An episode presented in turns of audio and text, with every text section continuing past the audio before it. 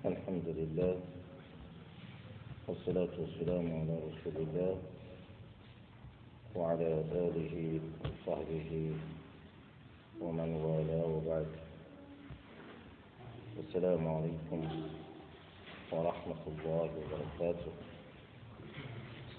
بعد أن فرغ المصنف رحمه الله فيما سبق بيانه شرع يبين لنا بعضا من الأحكام الشرعية المتعلقة بمغيب الحشفة في الفرج. فالعلماء أسهبوا في بيان الأحكام الفقهية المتعلقة بمغيب الحشفة في الفرج. ذلك لأن بعضا من الناس قد لا يتصور أن تلك الأحكام تتعلق بمجرد بمجرد مغيب الحشفة قد يظن البعض أن تلك الأحكام إنما تتعلق بما يزيد على الحشفة. بما يزيد على الحشفة. فقال اعلم أن مغيب الحشفة أو قدرها أي مغيب قدرها. فما يوجب الغسل يوجب الحد في الزنا. بدأ بهذا لأن الباب الذي معنا الآن هو باب الغسل.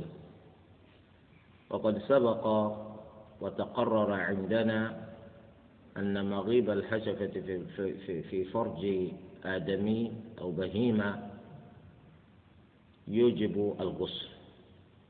يوجب الغسل. لأن الإنسان بمغيب حشفته في فرج آدمي أو بهيمة فإنه يعتبر بذلك جنبا. يعتبر بذلك جنبا. لقول النبي صلى الله عليه وآله وسلم إذا التقى الختانان فقد وجب الغسل. فإذا علمت هذا فاعلم أن مغيب الحشفة أيضا يوجب الحد في الزنا. لو زنى رجل بامرأة ولم يزد على إدخال حشفته في فرج المرأة ثم خرج. نقول إن هذا الذي فعله بهذا القدر يوجب عليه حد الزنا. يوجب عليه حد الزنا. فإذا قال لماذا تقيمون علي الحد؟ وهو لم يزد على إدخال حشفته في فرج تلك المرأة ثم استخرجها. نقول هذا القدر كاف في إقامة الحد عليك في إقامة حد الزنا عليك. فلو أن شخصا أتى إلى القاضي فأقر بإدخال حشفته في فرج المرأة ظنا منه أن هذا القدر لا يجب عليه الحد لا أقيم عليه الحد. ذلك لأنه جاء مقرا بذلك جاء مقرا بذلك. ويحسن الزوجين هذا حكم آخر. كل إنسان لم يسبق له أن تزوج بامرأة بعقد زوجية صحيح يعتبر بكرا. فإذا تزوج هذا الإنسان وجامع زوجته بيد أنه لم يزد على إغابة حشفته في فرجها. نقول بهذا الفعل الذي أتيت به لقد صرت به محصنا والمرأة محصنة. بمعنى لو زنيت بعد هذا فإنك ترجم حتى الموت. فإنك ترجم حتى الموت. والمرأة لو زنت بعد مغيب الحشفة في فرجها أو قدر الحشفة في فرجها فإنها كذلك تنقلب من كونها بكرا لتكون ثيبة فلو زنت بعد ذلك فإنها ترجم حتى الموت. حكم آخر أن مغيب الحشفة في الفرج أو قدرها يفسد الصيام الواجب والتطوع. يعني لو أن إنسانا في نهار رمضان لعب به الشيطان إلى أن أدخل حشفته في فرج امرأته فإن ذلك يفسد صومه. فإن ذلك يفسد صومه. فإذا فسد الصوم الواجب وجب عليه القضاء. علاوة على ذلك إن الكفارة تجب عليه. تجب عليه الكفارة لإغابة حشفته في فرج المرأة في نهار رمضان. فيجب عليه بذلك القضاء والكفارة. كذلك إذا كان الإنسان إنما يصوم صوم تطوع فأدخل حشفته في فرج امرأة فهذا فهذا الإدخال يفسد عليه صومه. وإن كان ذلك الصوم صوم تطوع إلا أنك مخاطب بالمحافظة على العبادات التي تأتي بها تقربا إلى الله عز وجل.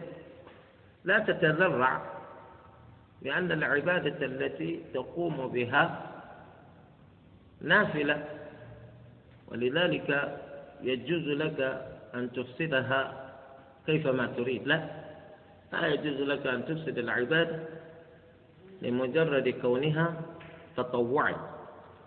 قال الله عز وجل ولا تبطلوا أعمالكم ولا تبطلوا أعمالكم فأنت مخاطب بالمحافظة على عبادتك. تشرع فيها وتفرغ منها وهي صحيحة. ليس أن تجلب إليها ما يعود عليها بالإبطال. كذلك يقول ويوجب الكفارة في رمضان. نعم وقد قلنا ذلك. إذا أغاب الإنسان حشفته في فرج امرأته في نهار رمضان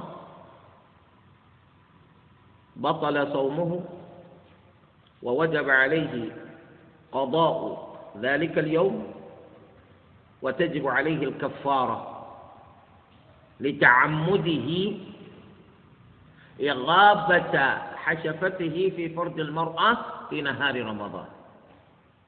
وقد تقرر ذلك بدون نزاع بين الفقهاء أن من جامع زوجته في نهار رمضان يجب عليه القضاء والكفارة وهذا الإنسان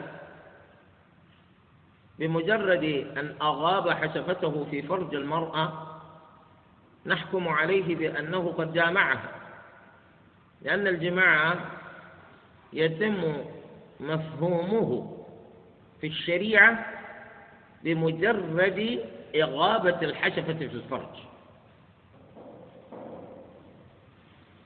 فيجب عليه القضاء كما تجب عليه الكفارة.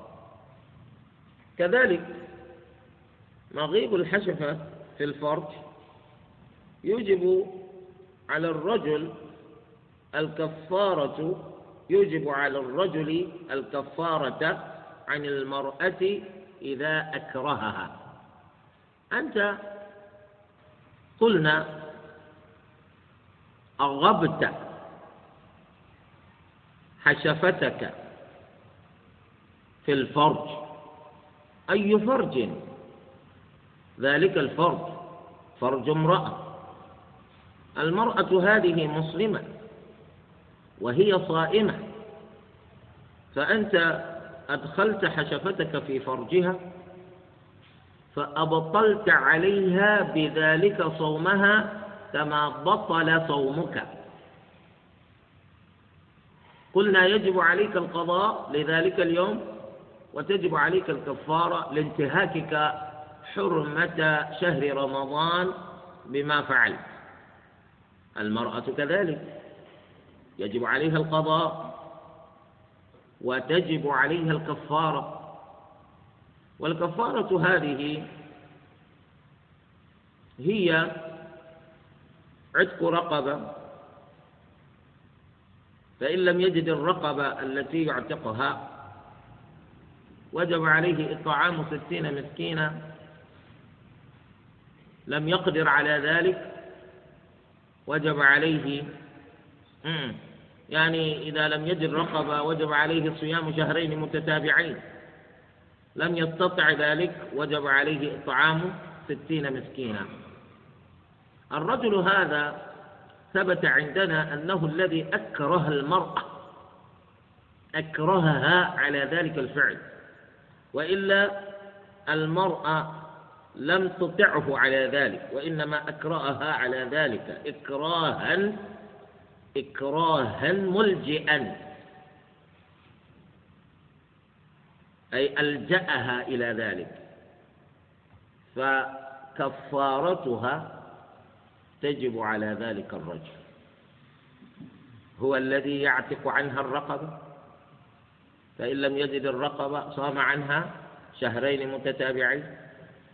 فإن لم يستطع أطعم عنها ستين مسكينا. لماذا؟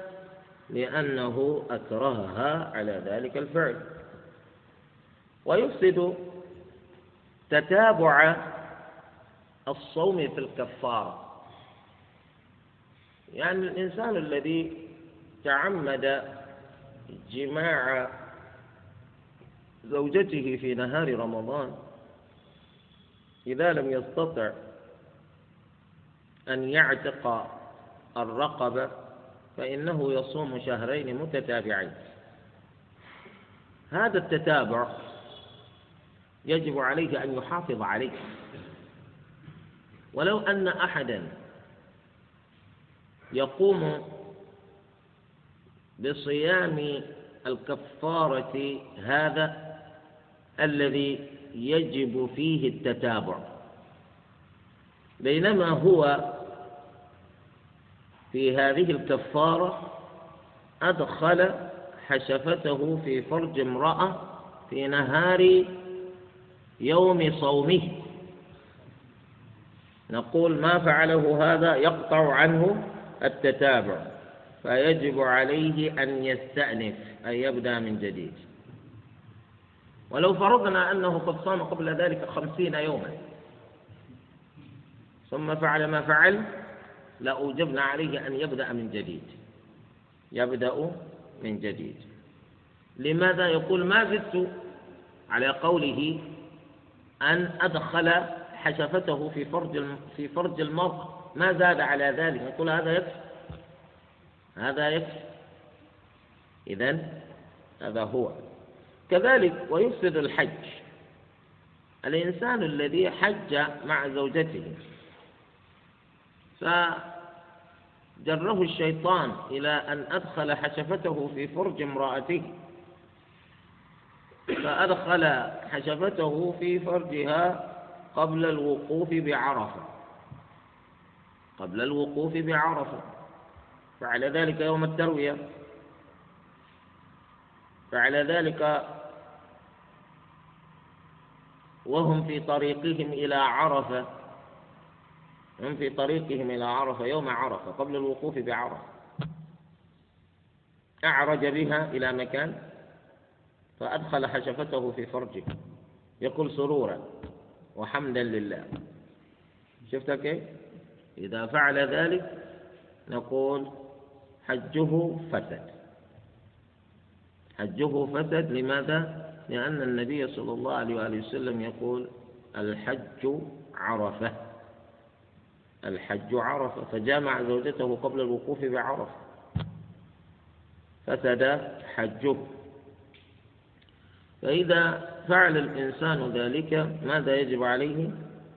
يجب عليه العمرة والهدي كفارة. يعني هنا يرجع فيعتمر ويهدي. يعتمر ويهدي. لا. يعني إذا كان ذلك قبل الوقوف بعرفة فسد حجه. يقول العلماء من فعل ذلك وجبت عليه بدنه. أي وجب عليه الإبل. ويجب عليه الحج من قادم. يجب عليه الحج في السنة القادمة. ثالثا يفرق بينه وبين زوجته. لا يلتقيان في هذا الحج الفاسد. فسد حجه وفسد حجها.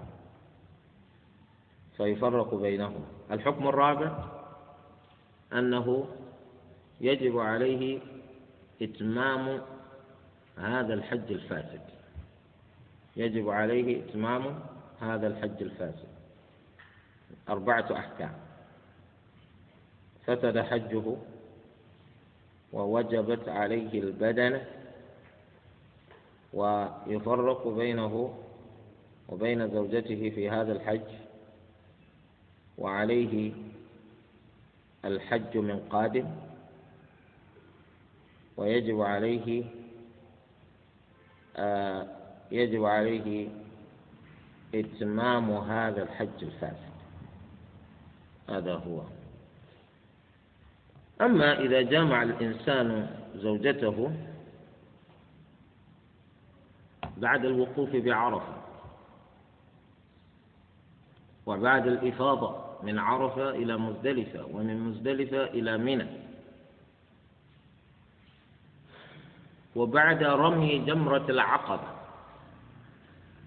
يوم الحج الأكبر. ولم يبق عليه إلا طواف الإفاضة طواف الحج. قبل طواف الحج أدخل حشفته في فرج امرأته قبل طواف الحج. هذا الطواف يقال له طواف الركن. بدونه الحج لا ينعقد. فالرجل جامع زوجته قبل ذلك الطواف. نقول حجه يصح ولكن يجب عليه البدنة يجب عليه الهدي. وكذلك ويوجب الهدي إذا كان بعد الإفاضة. يوجب عليه العمرة والهدي إذا كان بعد جمرة العقبة وقبل الإفاضة. يجب عليه الهدي والعمرة. كفارة.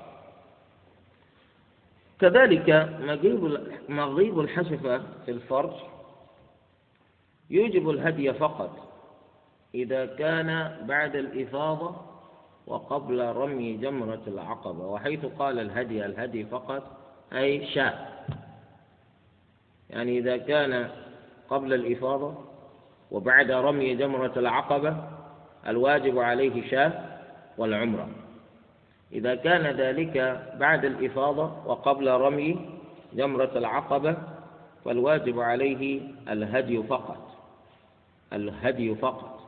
ذلك لأن سائلا سأل النبي صلى الله عليه وآله وسلم يوم الحج الأكبر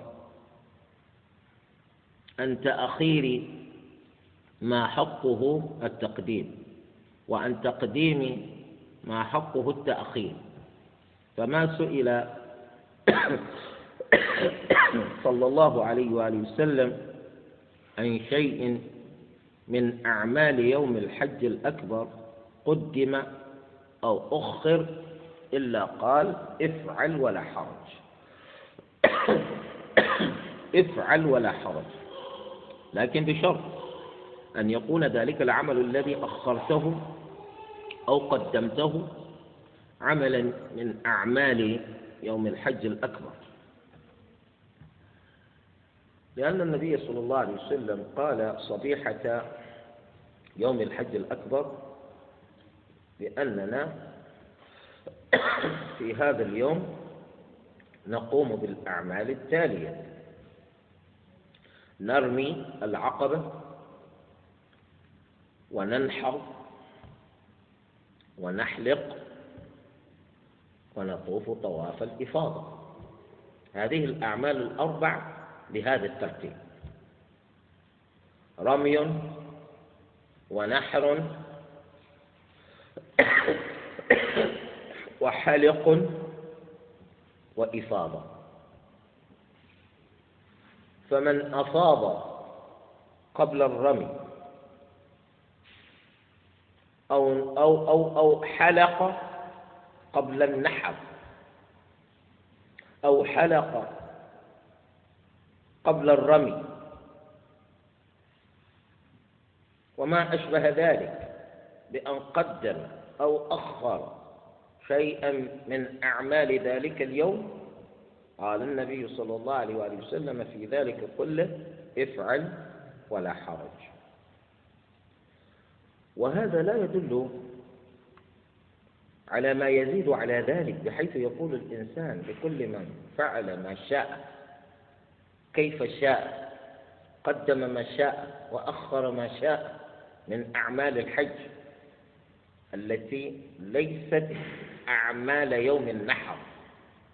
لأن تقول له افعل ولا حرج افعل ولا حرج. لا. لأن ذلك يصير الدين لعبا.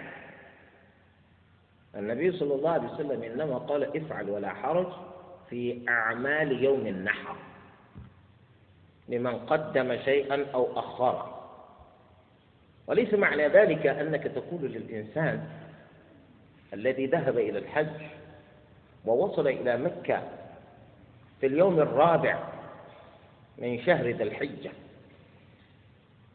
فذهب إلى عرفة مباشرة في اليوم الخامس. فقال أنا بادرت بوقوفي في عرفة قبل وقوف الناس فأنا والحمد لله قد انتهيت من وقوف عرفة فلم يبق علي إلا أن أرمي الجمرات. نقول ما هذا؟ هذا اللعب. وأنت تقول له لا لا بأس. النبي صلى الله عليه وسلم يقول افعل ولا حرج. كيف يفعل ولا حرج؟ افعل ولا حرج في أعمال يوم النحر. كذلك لو أن أحدا ذهب في اليوم الحادي عشر أو الثاني عشر من شهر ذي الحجة ذهب فرمى قبل الزوال ليس لك أن تقول له افعل ولا حرج لأن افعل ولا حرج إنما يتعلق بأعمال يوم النحر لا بأعمال الأيام الأخرى فهمتم؟ لقد فعل بعضهم بأن يعني هذا الخطأ بأن ألف كتابا بعنوان افعل ولا حرج افعل ولا حرج. يعني كل ما تريد أن تفعله في الحج قدمت أو أخرت أو افعل ولا حرج. ورد عليه بعض مشايخنا يعني بين له أن افعل ولا حرج ليس في كل يوم. افعل ولا حرج إنما يتعلق بأعمال يوم النحر. هذا هو. أه ويفسد الاعتكاف. إذا كان الإنسان معتكفا طبعا يجب عليه أن يتجنب مباشرة المرأة وهو يعتقف. قال ربنا عز وجل ولا تباشروهن وأنتم عاقفون في المساجد. المباشرة محرمة للمعتقف. فإذا كان الإنسان في اعتكاف فتجرأ بأن أدخل حشفته في فرج امرأته نقول خلاص فسد اعتكافه فليذهب إلى بيته. آه لو كانت المرأة هي المعتكفة فجاء زوجها ليزورها. فأخذ يتجاذبان أطراف الحديث إذا بالرجل يدخل حشفته في فرجها فقد أفسد عليها اعتكافه أفسد عليها اعتكافه. كذلك مغيب الحشفة في الفرج يفسد العمرة يفسد العمرة ولذلك يقول العلماء آه الذي يفسد الحج والعمرة هو الجماع. كذلك أعاذنا الله وإياكم من الردة. الردة تفسد على الإنسان كل شيء. لا الحج والعمرة فقط. الردة تفسد عليك كل شيء. أعاذنا الله وإياكم من ذلك. هذا الإنسان ذهب إلى العمرة فأدخل حشفته في فرج امرأته. هذا الفعل يفسد عليه وعليها عمرتهما. فلينتبه الإنسان. كذلك ويوجب إحجاج المرأة إذا أكرهها. الإنسان هذا الذي أدخل حشفته في فرج امرأته مكرها لها. هو السبب في فساد حجها. فيجب عليه أن يدفع عنها تكلفة الحج في السنة القادمة.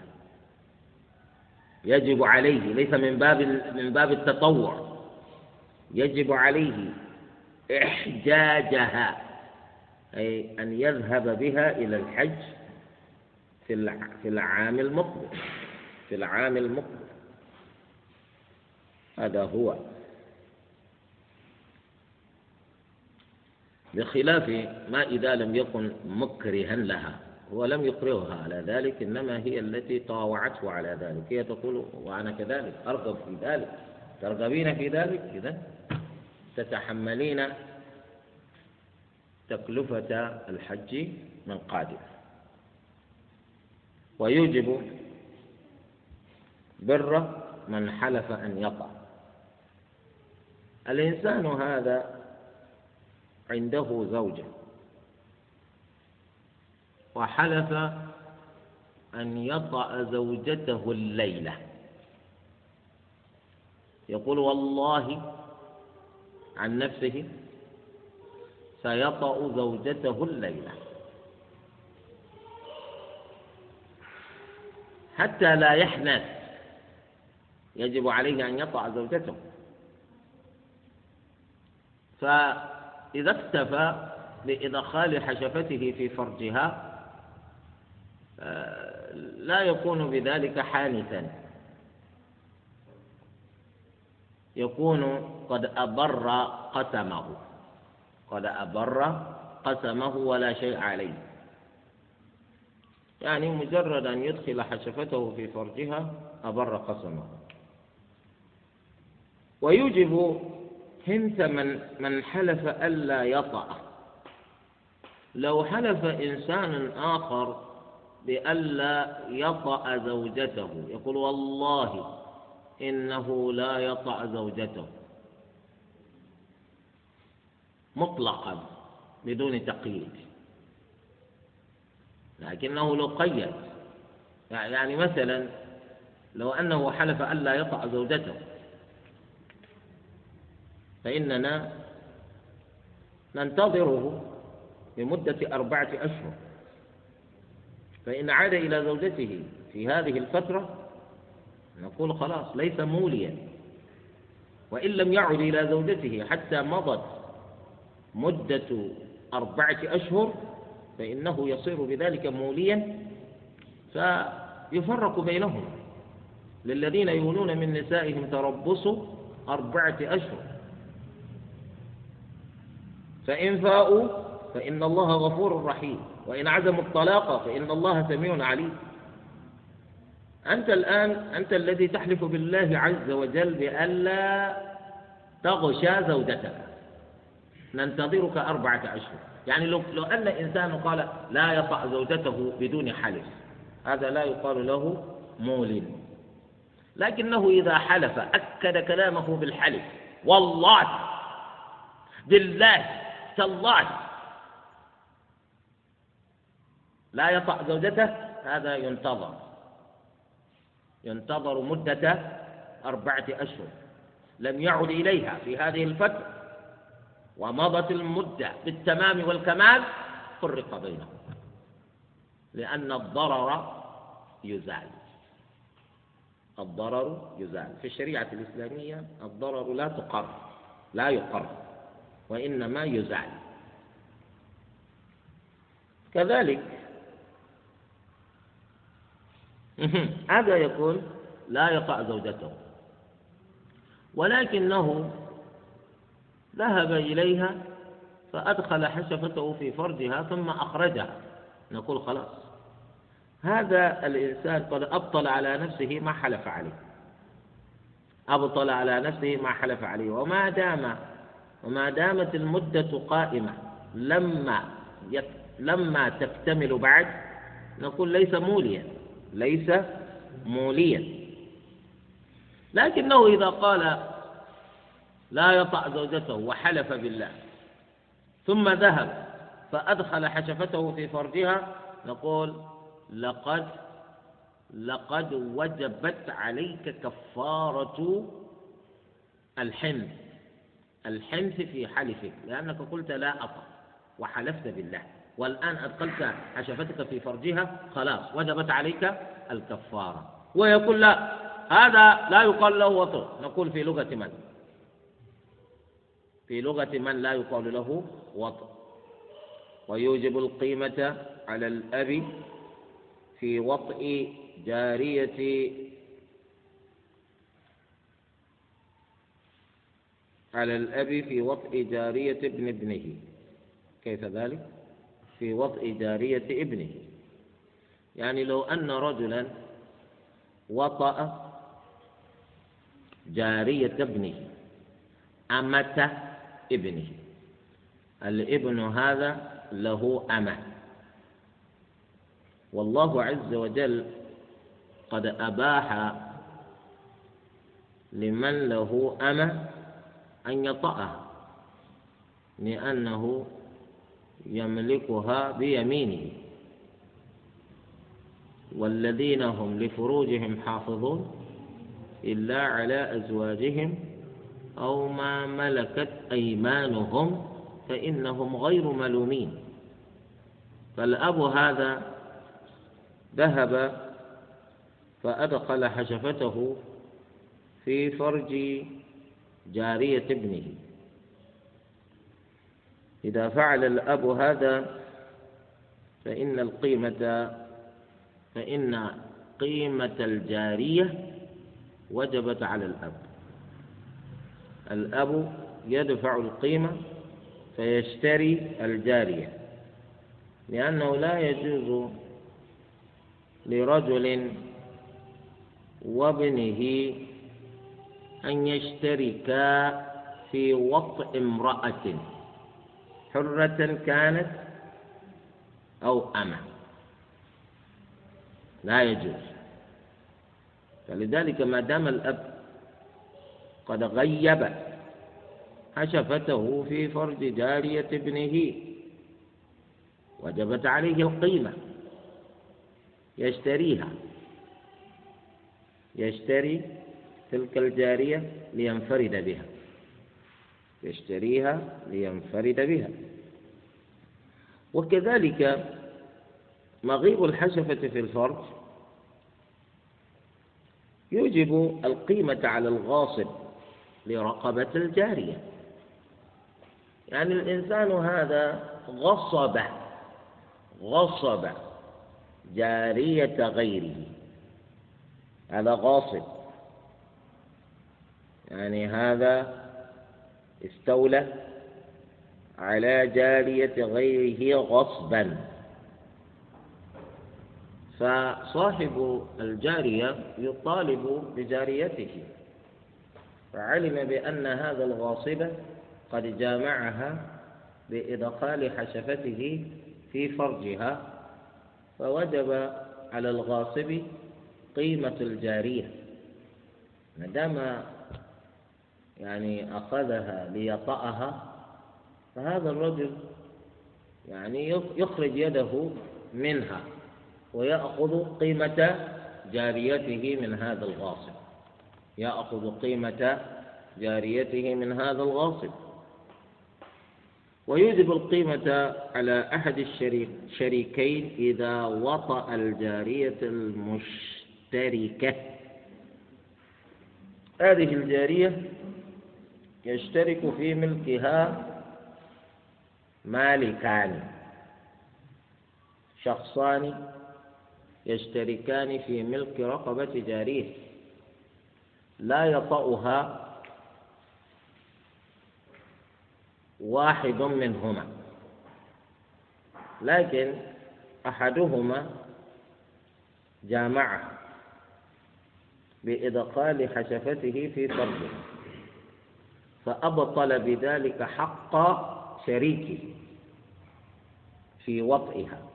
لأن الإسلام لا يبيح لمالكين أن يشتركا في وطئ جارية.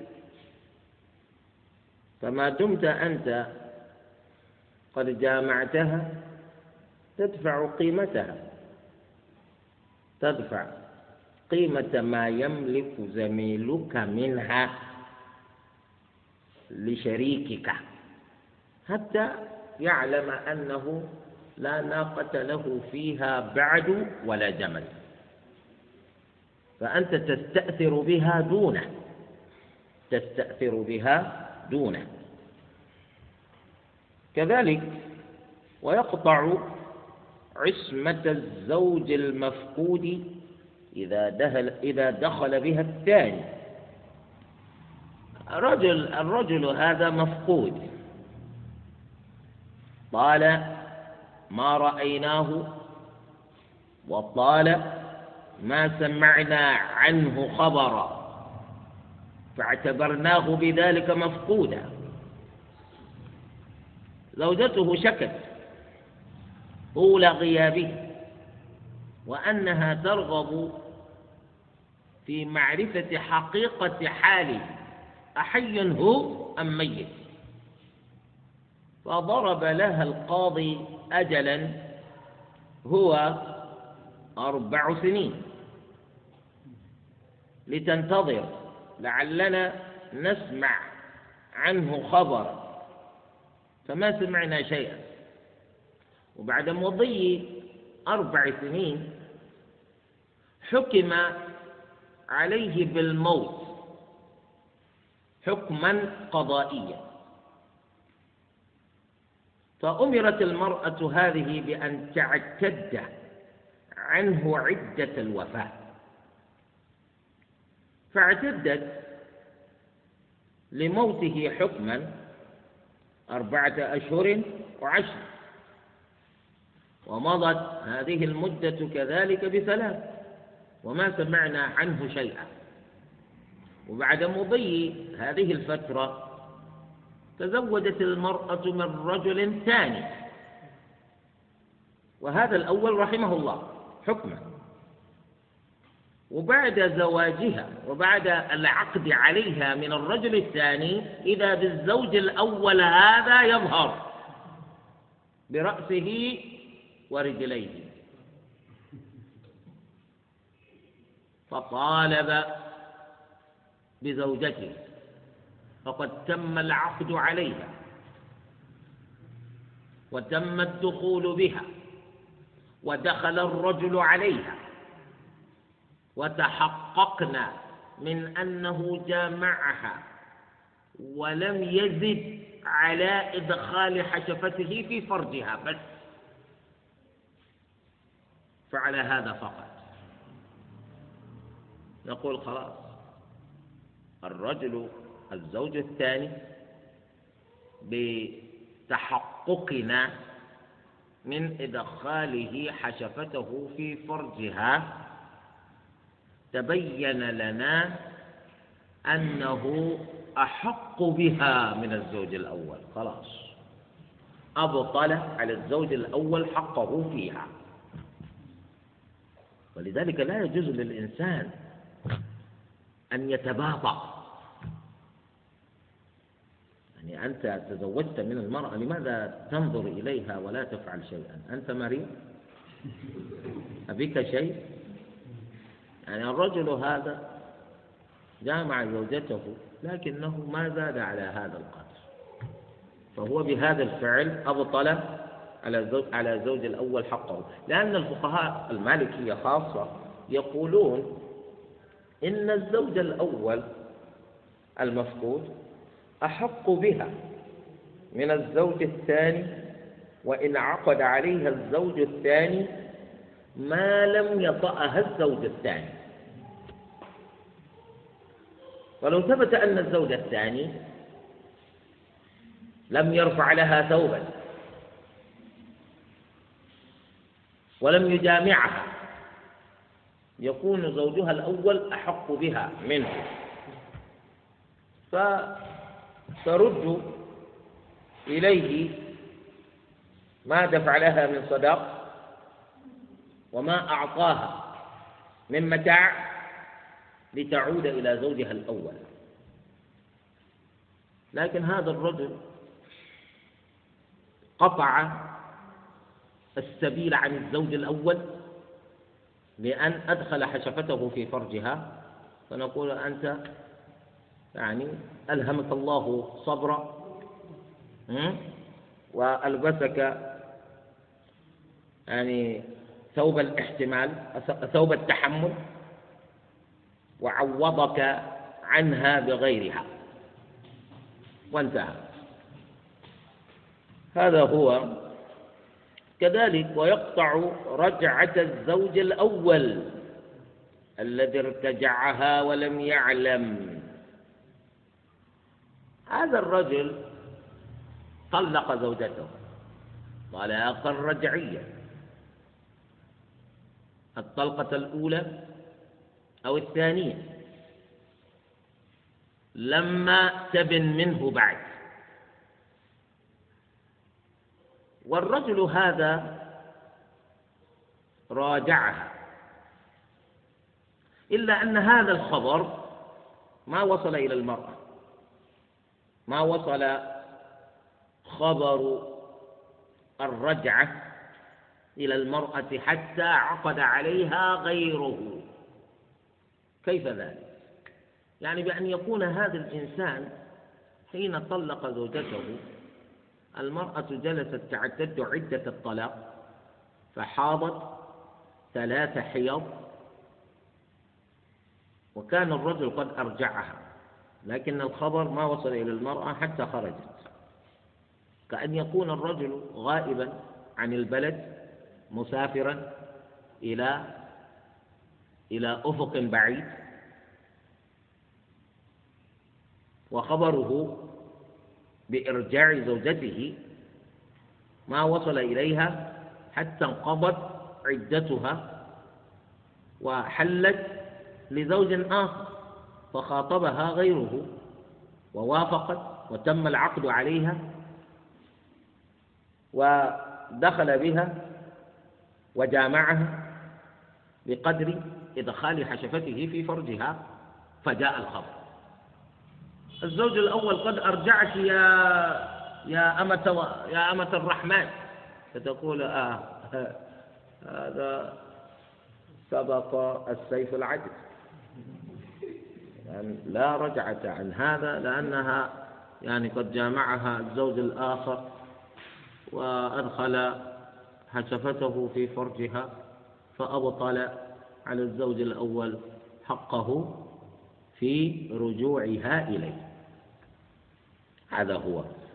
يعني حتى تعلم أن مغيب الحشفة في الفرج تتعلق به أحكام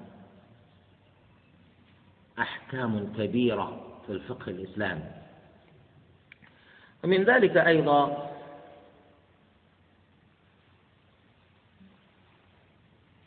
لكن بشرط ما ذكره ولم يعلم. ويقطع رجعة الزوج الأول الذي ارتجعها ولم يعلم.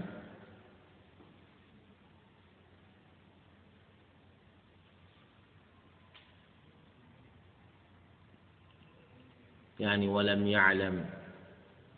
إذا كان بالتذكير ولم يعلم الزوج الأول بانقضاء عدتها وبزواجها من الرجل الآخر. الزوج الأول هو الذي لا يعلم بأن العدة قد انقضت وأن المرأة هذه قد خرجت وبانت منه بينونة صغرى. وهي لم تنتظره حتى تزوجت من الرجل الآخر. وبينما يحاول أن يقول لا لا أنا لا أريدك أن تفارقيني هكذا إنما أردت أن أؤدبك. يقول الأدب ما الأدب؟ أنت تتمسك بأدبك وتأديبك. آه الآن لقد تزوجت من الرجل الآخر والكلام عن الرجعة ما الرجعة لا, لا, لا كلام فيه أصل. الآن إذا أردت أن تأتي إليها وإنما تعقد عليها عقدا جديدا. والعقد الجديد أيضا لا كلام فيه لأنها قد تزوجت من رجل آخر وهذا الرجل الآخر يعني لم يجلس يعني يتسوق وإنما قد أدخل حشفته في فرجها فأبطل على كل أحد حقهم فيها والحمد لله. ويصح به نكاح الزوج الثاني. إذا زوجها وليان من رجلين ولم يعلم أحدهما بالآخر. يعني امرأة هذه زوجها وليان. كل ولي زوجها لرجل. غير الرجل الذي زوجها منه الولي الآخر. والمعلوم أنه لا يجوز ولا يمكن ولا يتصور ولا يقبل شرعا من المرأة أن تكون أن تكون ذات زوجين.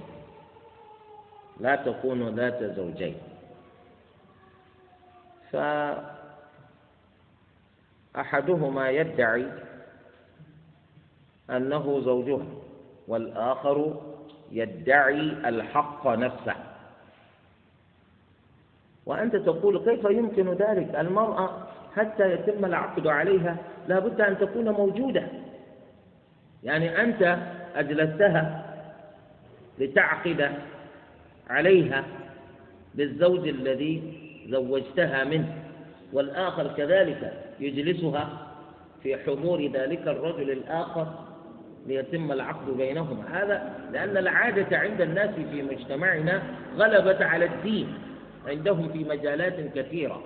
هم يظنون أن هذه التمثيليات التي يفعلونها عند العقد يظنون أنها هي الإسلام. يعني أنت تأتي وتجلس ويجلسونك وبجوارك المرأة الأجنبية هذه. لما تصر زوجة لك بعد وأنت تجلس بجوارها. وحتى يعلم الناس أنك الذي ستعقد عليها بل بعض المغفلين يقولون بأن المرأة عليها أن تجلس على فخذ الرجل هذا في ذلك اليوم. يعني مجانين. للأسف الشديد أنت تقول كيف كيف يتم العقد والمرأة غائبة؟ كيف لا يتم العقد؟ أنت تعلم بأي مرأة تريد أن تتزوج يعني يذكرون لك اسمها. يعني يقول هو يزوجك من بنته فلانة أو من موليته فلانة. فيتم العقد. وإن كانت المرأة غائبة. فهذا عقد لها عقد عليها لفلان والآخر عقد عليها لعلة. ويتصور هذا إذا كانت إذا كان المرأة لها وليان وهذا إنما يقع إذا كان أبوها ميتا أو إذا كان أبوها حيا إلا أنه قد فوض أمرها إلى رجلين اثنين. ربما لا يعلم أحدهما بوجود الآخر. أو يكون هذا الرجل قد مات وله ولدان. هما الوليان اللذان لهما أن يزوجا تلك المرأة باعتبارها أختا لهما. فهذا زوجها من فلان والآخر زوجها من علان. فأيهما أحق بها؟ الأحق بها هو ذاك الذي قد دخل عليها وأدخل حشفته في فرجها. الحمد لله. فيقال قطعت جهيزة قول كل خطيب. وانتهى. والحمد لله. هذا هو. كذلك ويصح به شراء المشتري الثاني إذا باعها سيدها أو وكيله من رجلين ولم يعلم أحدهما بالآخر. كذلك في الشراء إذا كانت المرأة أمة. فباعها رجلان. من رجلين. لا يعلم أحدهما بالآخر. إما أن يكون الوكيلان لا علم لأحدهما بالآخر. فباع كل وكيل تلك الأمة للمشتري. غير المشتري الذي اشترى الأمة من الآخر. والمشتريان كذلك لا يعلم أحدهما بوجود المشتري الآخر. فما دام المباع أمة. الأمة تراد للوطن وتراد للخدمة. هذا ذهب بها فاستبرأها بحيث وبعد الاستبراء أدخل حشفته في فرجها. وهذا الآخر جاء يطالب بالأمل التي اشتراها. فهذا يقول لها سبحان الله. يعني أنا ما علمت بوجود وكيل آخر لمالك الأمل والوكيل الآخر مثل ما بعتها منك باعها من غيرك. والغير هذا هو الذي ذهب بها. فما ندري ماذا فعل بها حتى الآن. فعند الوصول إليه ادعى استبراءها وادعى إدخال حشفته في فرجها فيقال خلاص أنت ما لك إلا الصبر وما لك إلا أن نرجع إليك القيمة. وهكذا عوضك الله عنها خيرا. هذا هو كذلك يقول ويوجب تحريم الربيبة. يوجب تحريم الربيبة. الربيبة هي بنت الزوج. بنت الزوج من رجل آخر. تزوجت امرأة لها بنت من رجل آخر تزوج بها قبلك. أو بنت لها من غيرك. سواء كانت تلك البنت من الزنا. هذه بالنسبة لك تعتبر ربيبة. بنت زوجتك لغيرك. الله عز وجل حرم على الإنسان أن يتزوج ببنت امرأة بعد الدخول بالمرأة. أنت دخلت بالمرأة الأم؟ وجامعتها ولم تزد على إدخال الحشفة في الفرج. حرم علي حرمت عليك بناتها. حرمت عليك بناتها. قال الله عز وجل وربائبكم اللاتي في حجوركم من نسائكم اللاتي دخلتم بهن. أي بنات زوجاتكم. من زوجاتكم اللائي قد دخلتم بهن. أي قد دخلت وجامعتها. حرم عليك بنتها. لا يجوز لك بأي حال من الأحوال. وقد دخلت ببنت آه بالأم. أن تتزوج بالبنت. لا. كيف تتزوج من الأم ومن بنتها؟ لا يجوز. لكن قول الله عز وجل وربائبكم اللاتي في حجوركم. هذا يعني خرج مخرج الغالب. لا مفهوم له. فلا يقال الربيبة إذا لم تكن في بيت الرجل تسكن في مكان آخر. وقد تزوجت بأمها ودخلت بها وجامعتها ثم طلقتها يجوز لك أن تتزوج ببنتها؟ لا. إنما الله عز وجل قال وربائبكم اللاتي في حجوركم ليخرج مخرج الغالب.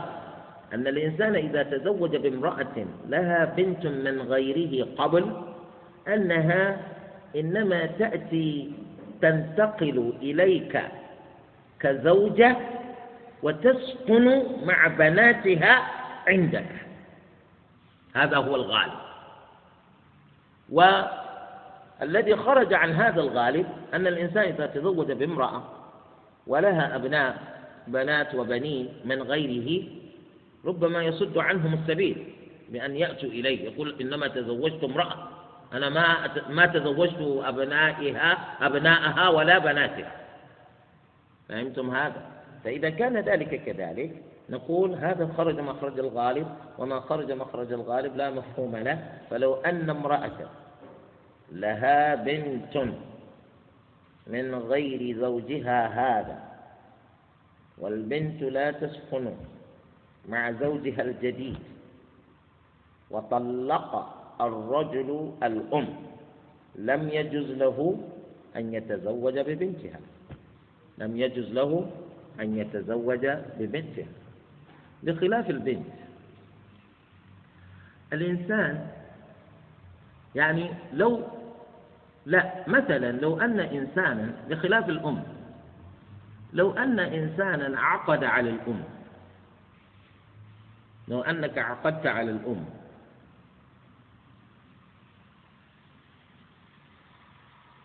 ثم طلقتها قبل الدخول يجوز لك أن تتزوج ببنتها. لو عقدت على الأم وطلقتها قبل الدخول جاز لك أن تتزوج ببنتها. بخلاف البنت. لو عقدت على البنت ثم طلقتها قبل الدخول لم يجز لك أن تتزوج بأمها. فهمتم؟ ولو أنك عقدت على الأم وطلقتها قبل الدخول جاز لك أن تتزوج. ببنتها بخلاف العكس. فالربيبة يقول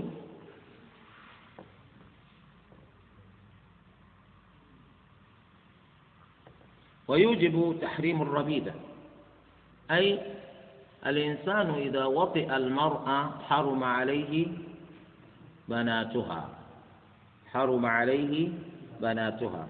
ولو أنه تزوج بالأم وهذا الذي قلت لو تزوج بالأم ولما يطأها ثم طلقها جاز له أن يتزوج من بنتها. جاز له أن يتزوج من بنتها. ويوجب فسخ نكاح البنت إذا تزوج الأم وأولد فيها. يعني إدخال الحشفة في الفرج يوجب فسخ نكاح البنت. إذا كان الرجل هذا قد تزوج من البنت وتزوج من الأم ولكنه كان قد أدخل الأم وأدخل حشفته في فرجها. فإن النكاح من البنت يفسح يفسح هو كالأول ما في فرق إنما أتى به بعبارة أخرى. ويوجب تحريم الأخت الثانية بملك اليمين. يعني أنت تزوجت من من امرأة بعقد زوجية صحيح. ولكنك صرت تملك أختها بملك اليمين. أختها أمة. وصرت مالكا لتلك الأخت بملك اليمين. ومعلوم أن الإنسان أباح الله له أن يأتي إماءه لكنك قد سبق أن أدخلت حشفتك في فرج امرأتك التي هي أخت أمتك. فيحرم عليك وطء الأمة. لأن الله عز وجل حرم على الإنسان أن يجمع بين الأختين. سواء كان ذلك بالنكاح أو بملك اليمين أو بالنكاح وملك اليمين. وأن تجمعوا بين الأختين إلا ما قد سلف. كذلك وتحريم العمة على بنت أخيها بملك اليمين. كذلك إذا تزوج الإنسان من من امرأة هي هي بنت أخي امرأة أخرى ملكها باليمين. هذه الزوجة زوجتك هي بنت أخي أمتك. إذا هي بنت بنت عمتي بنت العمة بنت العمة. هي بنت العمة. زوجتك بنت العمة لأن أمتك عمة لها. وأنت لا يعنيك. المرأة التي تملكها بملك اليمين الله أباح لك أن تأتيها. لكن هذه علاقتها بزوجتك أنها عمته عمتها أنها عمتها. بمعنى هذه الأمة أخت أبي زوجتك فزوجتك بنت أخي أمتك. ما الحل؟ إذا كنت قد أدخلت حشفتك في فرج زوجتك فالأمة التي هي العمة لزوجتك الآن تحرم عليك. لماذا؟ وربنا يقول وأن تجمعوا بين الأختين إلا ما قد سلف. ولماذا لا يجوز له أن يجمع بين العمة وبنت أخيها؟ السنة هي التي دلت على ذلك. النبي صلى الله عليه وآله وسلم نهى أن يجمع الرجل بين المرأة وبين عمتها أو يجمع بينها وبين خالتها. أي أخت أمها أو أخت أبيها. هذا التحريم ثبت بالسنة. نهى النبي صلى الله عليه وآله وسلم أن يجمع الرجل بين المرأة وعمتها وبينها وبين خالتها. فمن أجل هذا جاءوا بهذا المثال. لتعلم أنهما وإن لم تكونا أختين إلا أن إحداهما بنت بنت أخي بنت أخي الأخرى أو بنت أخت الأخرى. وقد نهى النبي صلى الله عليه وسلم عن الجمع عن الجمع بين المرأتين يجمعهما تلك العلاقة. كذلك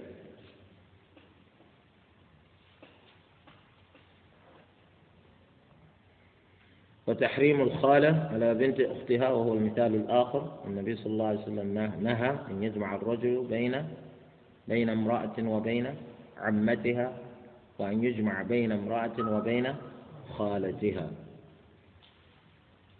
ويوجب تحريم المنقوحة في العدة. المرأة يحرم على الإنسان أن ينكحها وهي في العدة. ولا تعزم عقدة النكاح حتى يبلغ الكتاب أجله. يجب عليك أن تنتظر إذا كنت راغبا في الزواج من المعتدة سواء أكانت في عدة الطلاق أو في عدة الوفاة. فالمرأة هذه لا يخاطبها لا تخاطب إلا بعد انقضاء عدتها. فهذا خطبها وهي في العدة وعقد عليها وهي في العدة. وإذا به يستمر في عناده ليجامعها وقد تزوجها في عدتها فأدخل حشفته في فرجها. نقول بهذا الفعل يثبت تحريم هذه المرأة عليه أبدا. هذا عند المالكية. بعض الفقهاء عندهم تخفيف في هذا. المالكية يقولون إذا تزوج الإنسان امرأة معتدة في عدتها ثم جامعها فإن المرأة هذه يفرق بينه وبينها وتثبت الحرمة بينهما أبدا. أي يحرم عليه أن يتزوجها أبدا كما تحرم عليه أن تتزوج منه أبدا. هذا هو. ولو أنه اكتفى بمجرد العقد عليها لحكمنا على ذلك العقد بالبطلان. وهل يبقى وهل يبقى له مجال بأن يعود إليها بالزواج أو لا يبقى له؟ هذا شيء آخر. لكنه تمادى فعقد عليها وتمادى وجامعها. وقد عقد عليها في العدة يقول المالكي يفرق بينهما ولا يجوز لهما أن يتزوجا ببعض أبدا.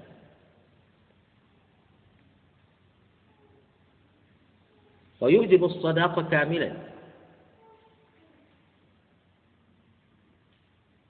قال ربنا عز وجل وإن طلقتموهن من قبل أن تمسوهن وقد فرضتم لهن فريضة فنصف ما فرضتم. إذا إذا طلق الإنسان امرأة قبل أن يجامعها أي قبل أن تدخل في اليوم الذي تم العقد بينك وبينها قلت إنك ستعطيها صداقة المبلغ المعين لكنك طلقتها قبل الدخول. فما دمت قد ذكرت ذلك الصداق فإنه يجب عليك أن تدفع لها نصف ذلك الصداق. بخلاف ما إذا لم تذكر لها صداقا ثم طلقتها قبل الدخول فإنها تستحق أن تمتعها تعطيها متعة على قدر استطاعتك فيما إذا كنت غنيا أو كنت فقيرا. على الموسع قدره وعلى المقتر قدره متاعا بالمعروف. لكن المرأة أنت دخلت بها وقد فرضت لها صداقا معينا وأنت أدخلت حشفتك في فرجها ثم طلقتها. ولما تعطها شيئا بعد من صداقها. أنت فرضت لها صداقة مليون درهم. مليون درهم. أدخلت حشفتك في فرجها ثم إنك لما تعطيها شيئا قبل فهي الآن تستحق ماذا؟ مليون درهم والحمد لله أنت الذي جنيت على نفسك لماذا تطلقها؟ لماذا تطلقها؟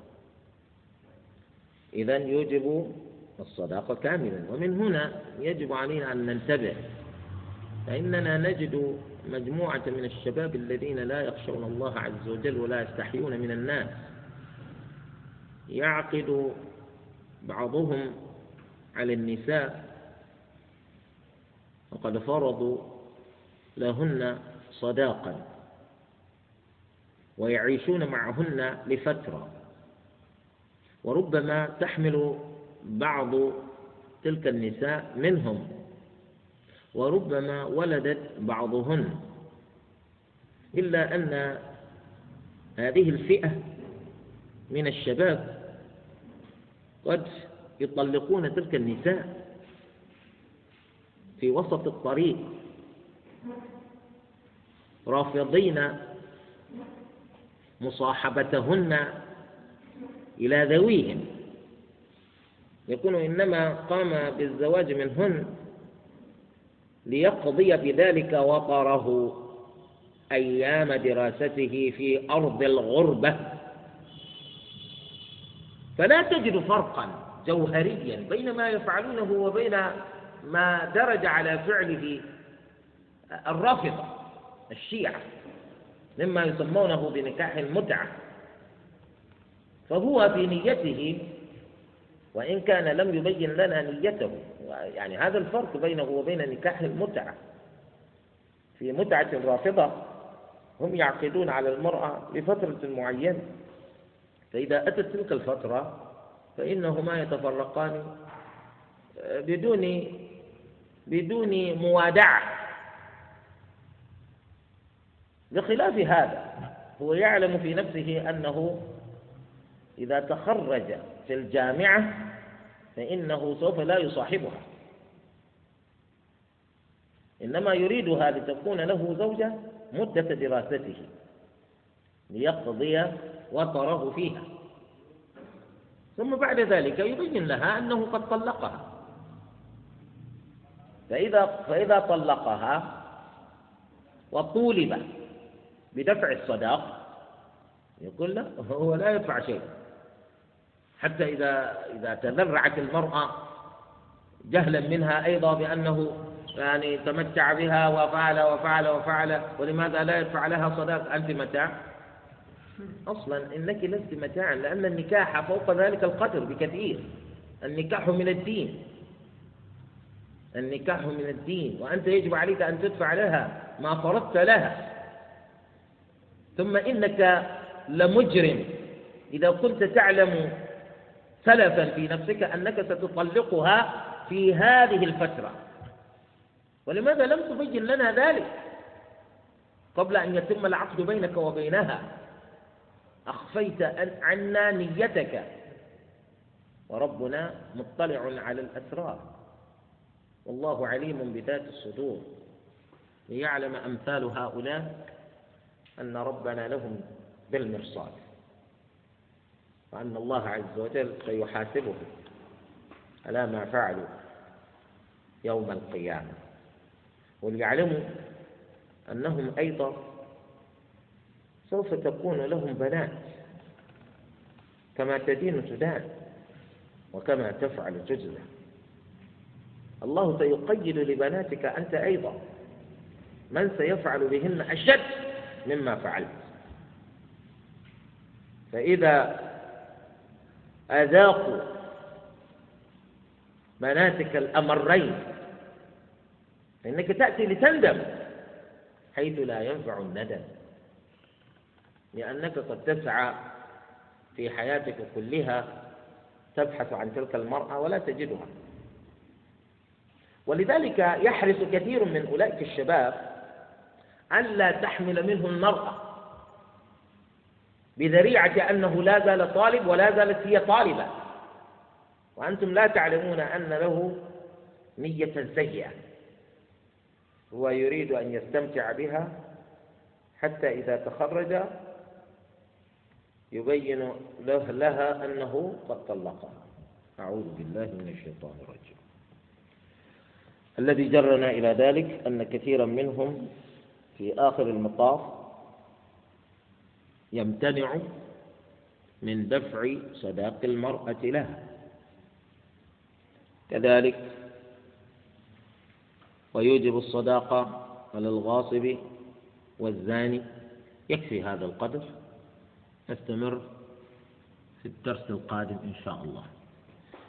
نسأل الله عز وجل أن يعلمنا ما جهلنا وأن يبارك لنا فيما علمنا وأن يزيدنا علما سبحانك اللهم وبحمدك أشهد أن لا إله إلا أنت أستغفرك وأتوب إليك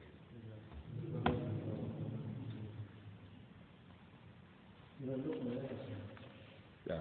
الأمثلة التي الأمثلة التي أتى به المؤلف رحمه الله في هذه بقوله وإن لم يعلم أحدهما بما حصل بيننا كمثال هذا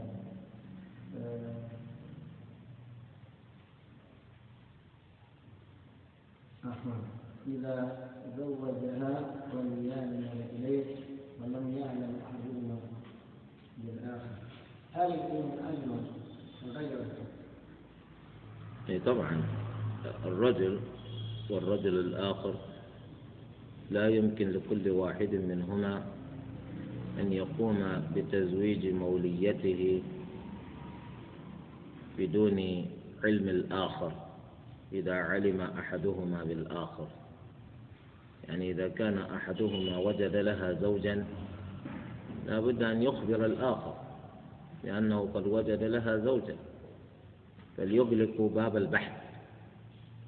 لكن بما أن أحدهما لا يعلم بالآخر هذا الذي يفتح المجال لأن تزوج من رجلين من رجلين اثنين لرجلين اثنين.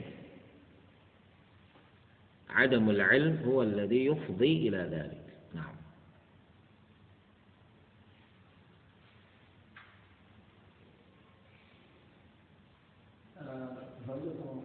بقوله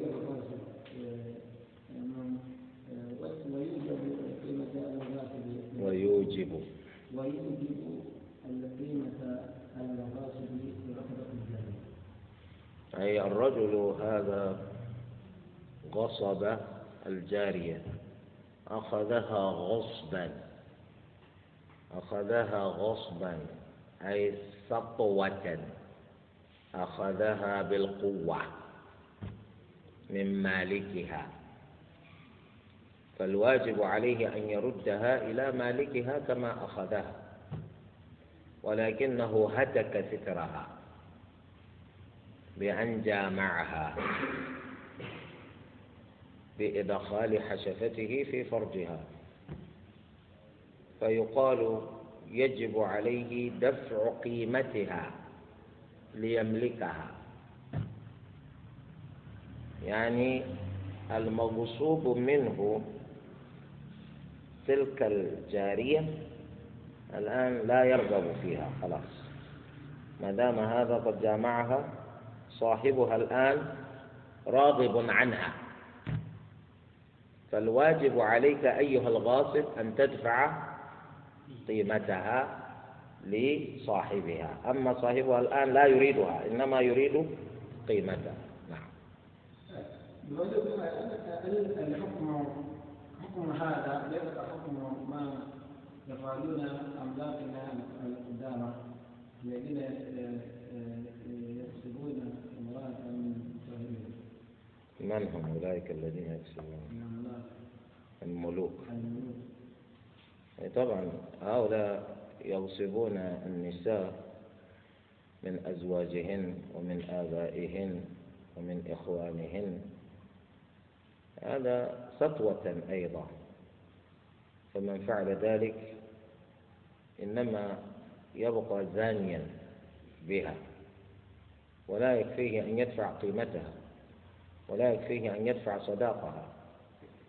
لا يكفيه أن يدفع صداقها لأن هذه المرأة التي تغتصب حرة ليست أمة حتى يقال له ادفع القيمة.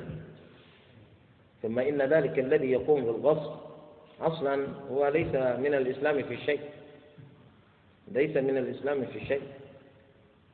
ونحن لو ترك الأمر لنا لن نرضى به زوجا لبنتنا ولا زوجا لأختنا ولا زوجا لامرأة مسلمة لأنه مشرك فهمتم؟ هذا